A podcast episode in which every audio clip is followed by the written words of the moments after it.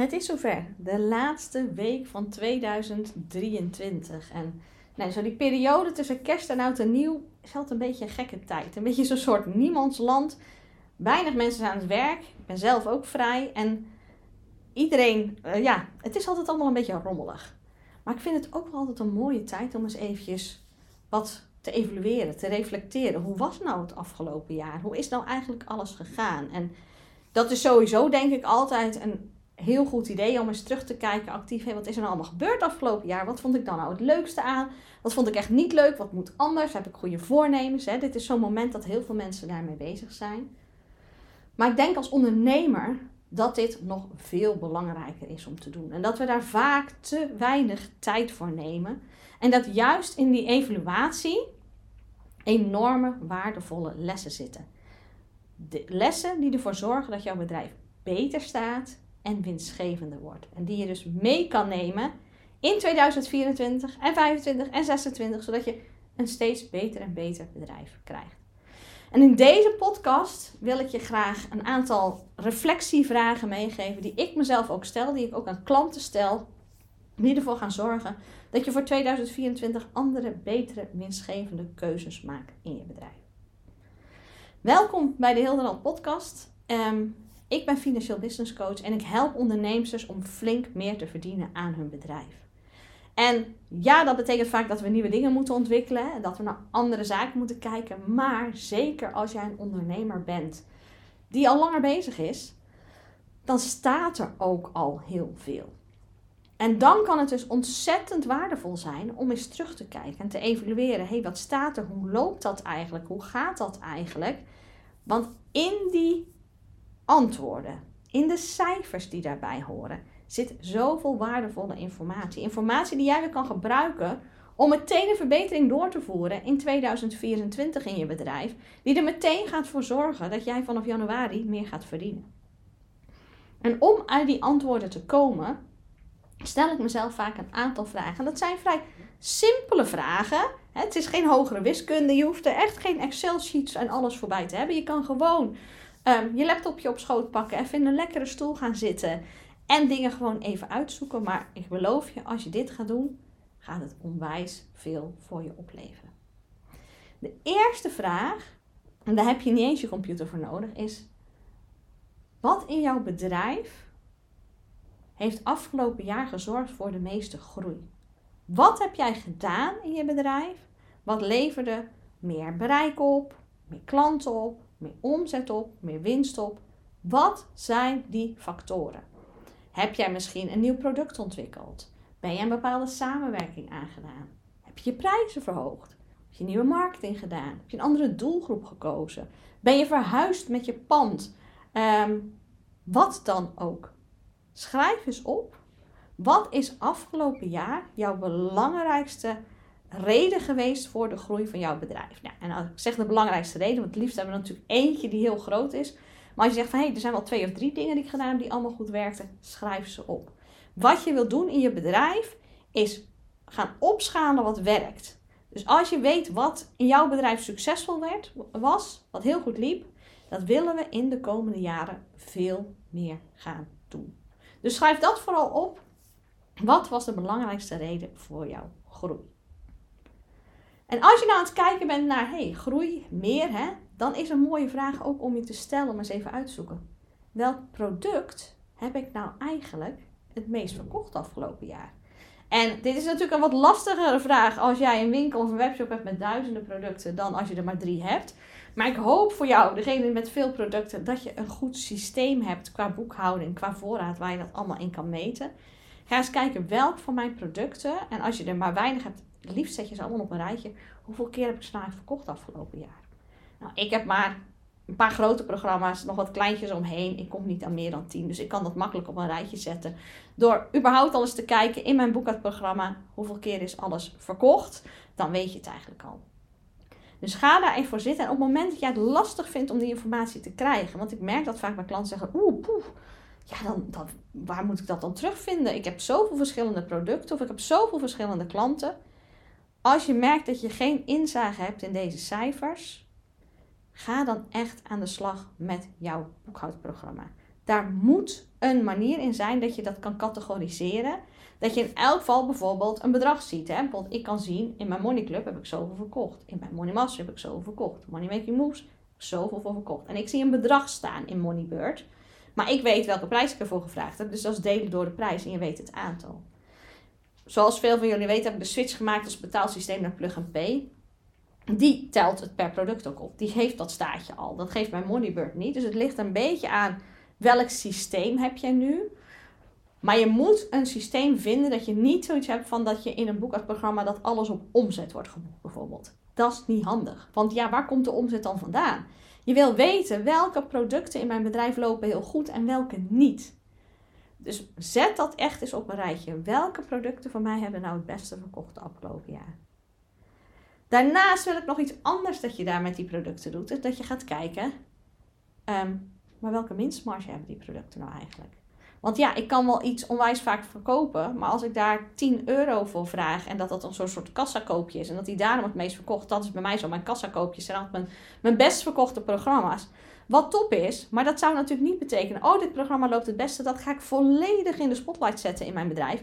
Alles op dat kassakoopje, want die verkoopt het best. Nee, want daar verdien ik heel relatief weinig mee, want ja, daar hou ik 10 euro aan over. Of 17 of 27. Een beetje wat de prijs is van het kassakoopje op dat moment. Ik heb programma's van 12.000 euro. Ik moet nogal veel kassakoopjes verkopen. Wil ik dat bedrag matchen. Dus je wil niet alleen weten welk product verkocht nou het beste. Je wil ook weten welke winstmarge hebben mijn producten. Zet dat erbij. En een derde die je op dit punt eigenlijk wil weten, is waar verdien ik in mijn bedrijf eigenlijk het meest mee? En dat hoeft niet altijd de combinatie met die producten te zijn. Want het kan ook zijn dat jij binnen een bepaalde tak die je aanbiedt wel 20 producten hebt. Maar dat je nu ziet, hé, maar die tak is wel het meest rendabel. Want als je er meerdere takken hebt, en dan heb ik het bijvoorbeeld over mensen die hebben en een webshop en een winkel. Of mensen die hebben uh, coaching live en online programma's. Of um, werken corporate in bedrijven, hè, eh, dat ze uh, daar binnen zitten. Maar ook nog zelf met trajecten. Hè. Er zijn natuurlijk, veel mensen hebben meerdere takken in hun bedrijf. Het is ook interessant om te kijken, waar komt nou het meeste geld mee binnen in mijn bedrijf? En is dat ook hetgene waar ik zelf het blijst van word? Want als dat zo is, waarom de rest nog doen? En niet volledig richten op hetgene wat je heel fijn vindt. Ik zie dat heel vaak bij mensen die bijvoorbeeld een webshop erbij gebouwd hebben om ook buiten openingstijden bereikbaar te zijn. Maar ze worden er niet blij van. Ze houden er niet goed bij. Technisch gaan er dingen fout. Hij is niet goed up-to-date. Dan klopt de voorraad weer niet. Het is heel veel gedoe. En ze moeten dan ook naar die pakketjes. En dan vergeet ze dat weer. En dan vindt ze het eigenlijk vervelend. En als we dan dus kijken wat eruit komt, is dat relatief weinig. Omdat hun energie er niet op zit. En er zitten toch kosten mee gemoeid. En tijd mee gemoeid. Dan skippen. En dan volledig gaan op hetgeen waar je enthousiast van wordt. Want wat nou als je die tijd en dat geld had gestoken in datgene waar je wel blij van werd? Had hij het dan misschien niet beter gedaan?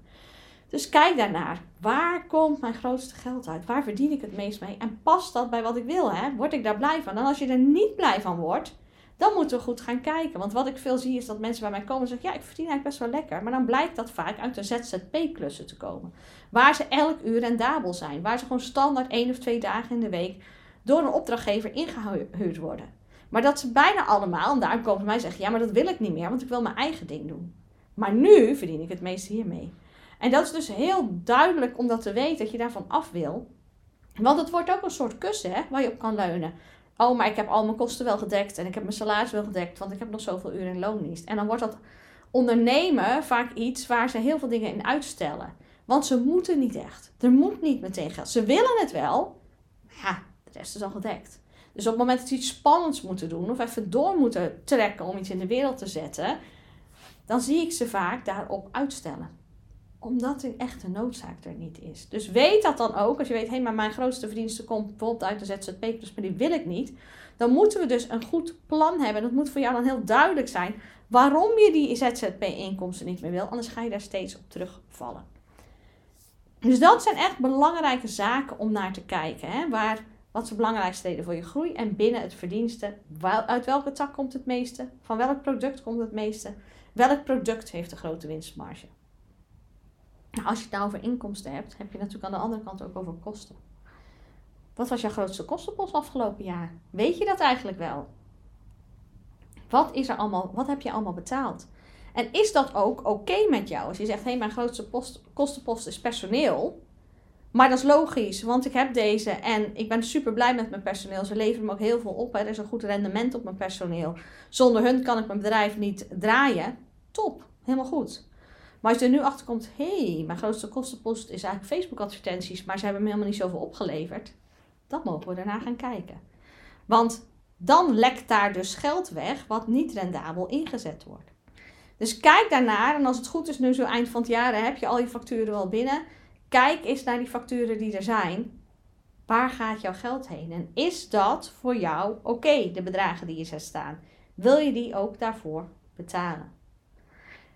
Mooi om daarnaast te zetten. Dat je zegt, waar heb ik in 2023 nou eigenlijk in geïnvesteerd? En wat heeft me dat al opgeleverd? Wat is het rendement geweest op mijn investering? En soms kan je die nog niet helemaal zien. Zeker niet omdat je daar misschien net die investering hebt gedaan en, het rendement moet nog komen. Of het is een rendement wat nog jaren en jaren door gaat werken. Hè? Zoals wanneer mensen met mij werken. Als ik een bedrijf nieuw inricht, ja, dat, dat levert dan hopelijk meteen geld op. Maar het is ook iets wat op lange termijn steeds geld oplevert. Dus je kan het niet altijd nu al helemaal zeggen.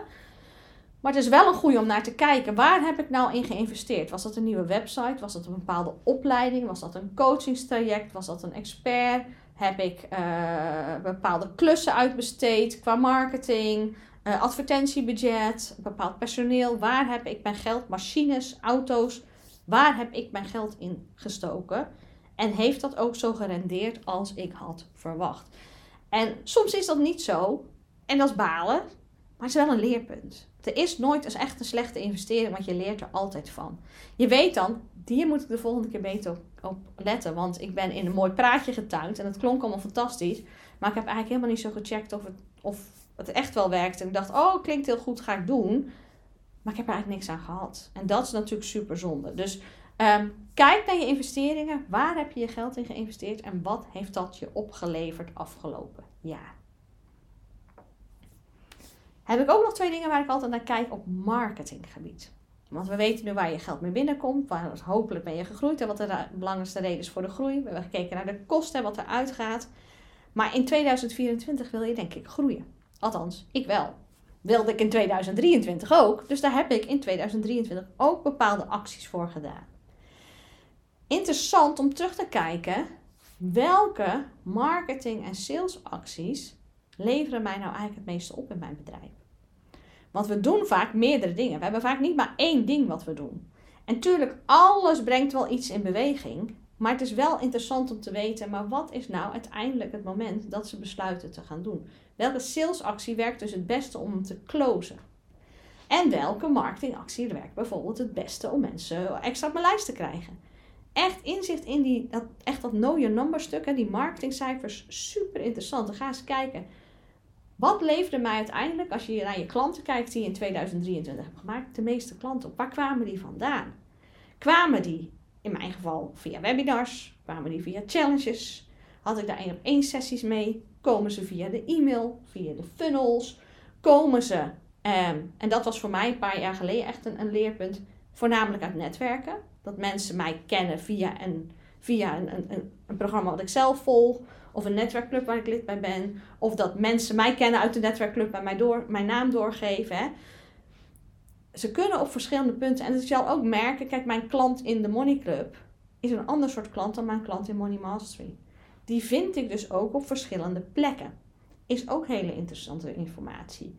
Dus ga je marketing van afgelopen jaar eens door.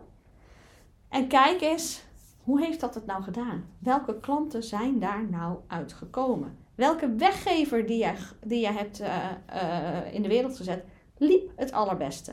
Waar, wat is dus je beste lead magnet in jouw bedrijf? Want als je dat weet en gaat zien wat dat is, kan je misschien meer gelijksoortige lead magnets maken.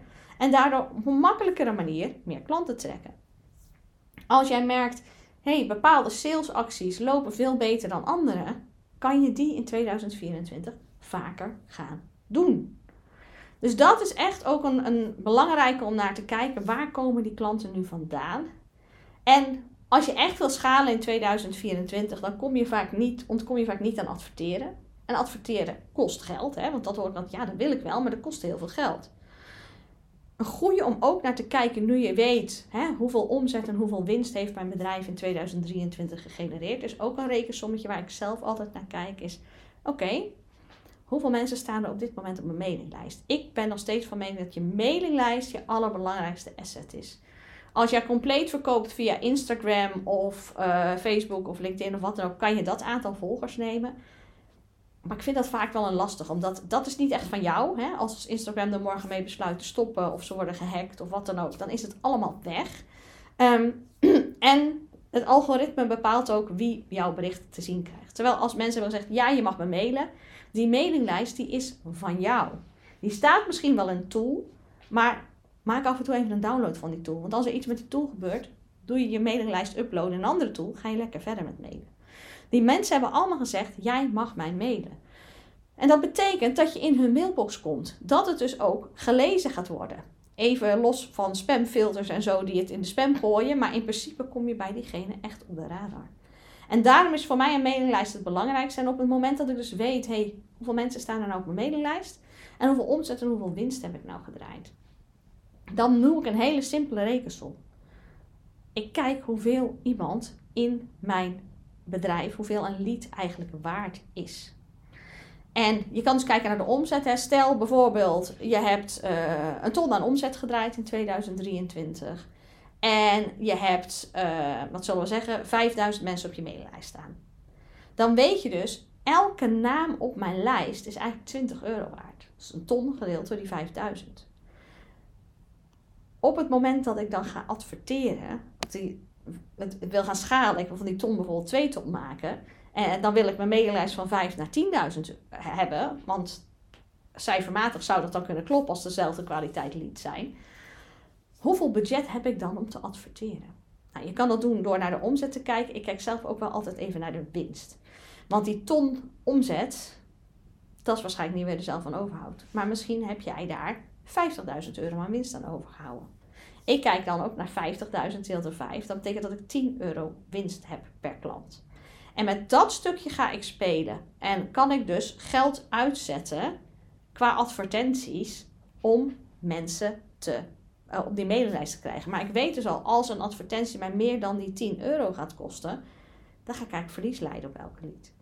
Mits ik in 2024 de waarde van een klant voor mij flink kan verhogen. En daar is natuurlijk ook weer van alles wat je daarvoor kan doen. Hè. Dat is natuurlijk mijn specialisme. Maar stel dat het allemaal hetzelfde blijft en je zegt, maar mijn doel voor 2024 is om flink meer bereik te krijgen. Reken dan eens uit, wat is voor jou de waarde van een lead? Tot hoeveel kan jij betalen om die leads te laten groeien? Want je hebt niks aan een mailinglijst van honderdduizenden mensen. Als je daar zoveel voor moet betalen, dat je er geld op toe moet leggen om ze binnen te krijgen. Omdat ja, mensen, er worden wel extra mensen klant, maar de kosten die je moet maken om ze te krijgen zijn te hoog. En dat is ook echt een belangrijke in dat stukje leads. En daar gaat het dus ook fout, vaak fout met advertenties, dat we niet zo goed duidelijk hebben.